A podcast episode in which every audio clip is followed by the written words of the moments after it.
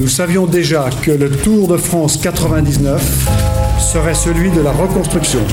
3 juli 1999 gaat de geschiedenis in als de dag van de wederopstanding van de Tour.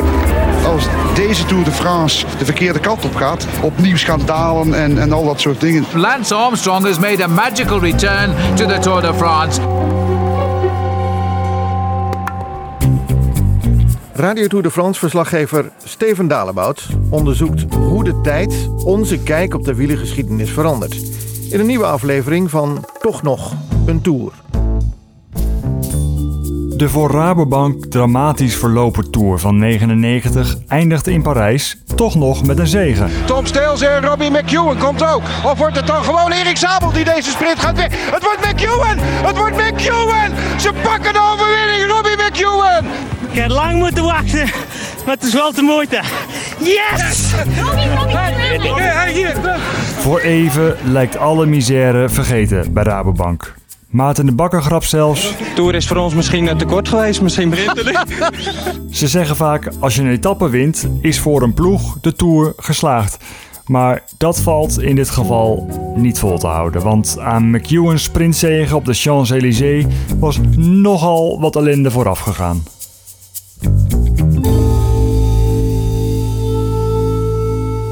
Tussen de eerste en tweede rustdag was de Rabobankploeg in een vrije val geraakt. En die werd ingezet in de etappe naar Sestriere. Het is beestenweer. Armstrong wint en Michael Bogert is de beste Rabo-renner. Hij komt na 18 minuten binnen. Even later komen zijn ploeggenoten Maarten de Bakker en Patrick Jonker als dode vogeltjes over de streep. Ik ben uh, doodziek. Ik zit een paar dagen met een flinke verkoudheid en op een gegeven moment kwam er zulke bonk uit. Het was ineens helemaal over. Dat is echt bijna niet te doen. Ja, ik en uh, Maarten de Bakker zijn behoorlijk ziek. En uh, met zulke weer, uh, en, dan valt het nog helemaal niet meer mee. Hè. Daarna wordt het alleen maar erger. Verslaggever Jeroen Koster staat een dag later aan de finish op de Alpe d'Huez. Erik Dekker die kwam werkelijk als een uitgevrongen keukenrol boven op Alpe d'Huez. Die, die, die, die viel zijn vrouw toenmalig vrouw Petra in de armen. Huilen, helemaal kapot waren ze. Over het Centraal Massief trekt de aangeschoten Raboploeg richting de Pyreneeën. Onderweg lukt het amper de zieken op te lappen en Leon van Bon stapt af met knieproblemen.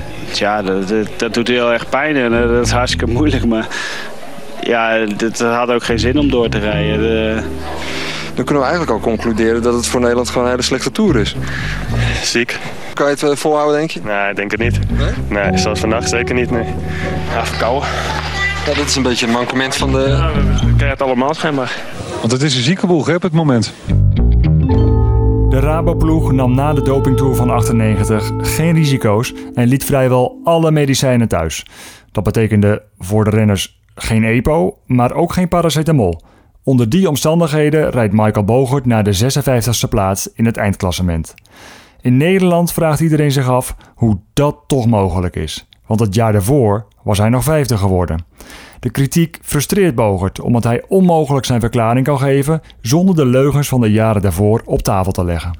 Ja, dat was heel frustrerend, ja. Dat, dat, dat is een van mijn grootste frustraties geweest in mijn wielercarrière. En ook het jaar daarna trouwens hoor, in 2000. Uh, uh, reek ook op water en brood uh, die Tour de France. En ik wist gewoon dat ik bepaalde dingen niet deed. En dat is eigenlijk hetzelfde als waardoor, je, uh, waardoor ik in 97 ben begonnen met, met producten te nemen die, die, die niet mochten. Maar waarvan je 100% zeker wist dat anderen dat ook deden. En die frustratie is dan heel groot. Maar ja, wat ben ik nou aan het doen? En... Ja, in 99, 2000 had ik precies hetzelfde. Ja, ik, ik, ik was weer terug naar 1996, 95. Ik, ik wist dat anderen het wel deden, dat kon je ook zien. En uh, ja, ik deed het niet.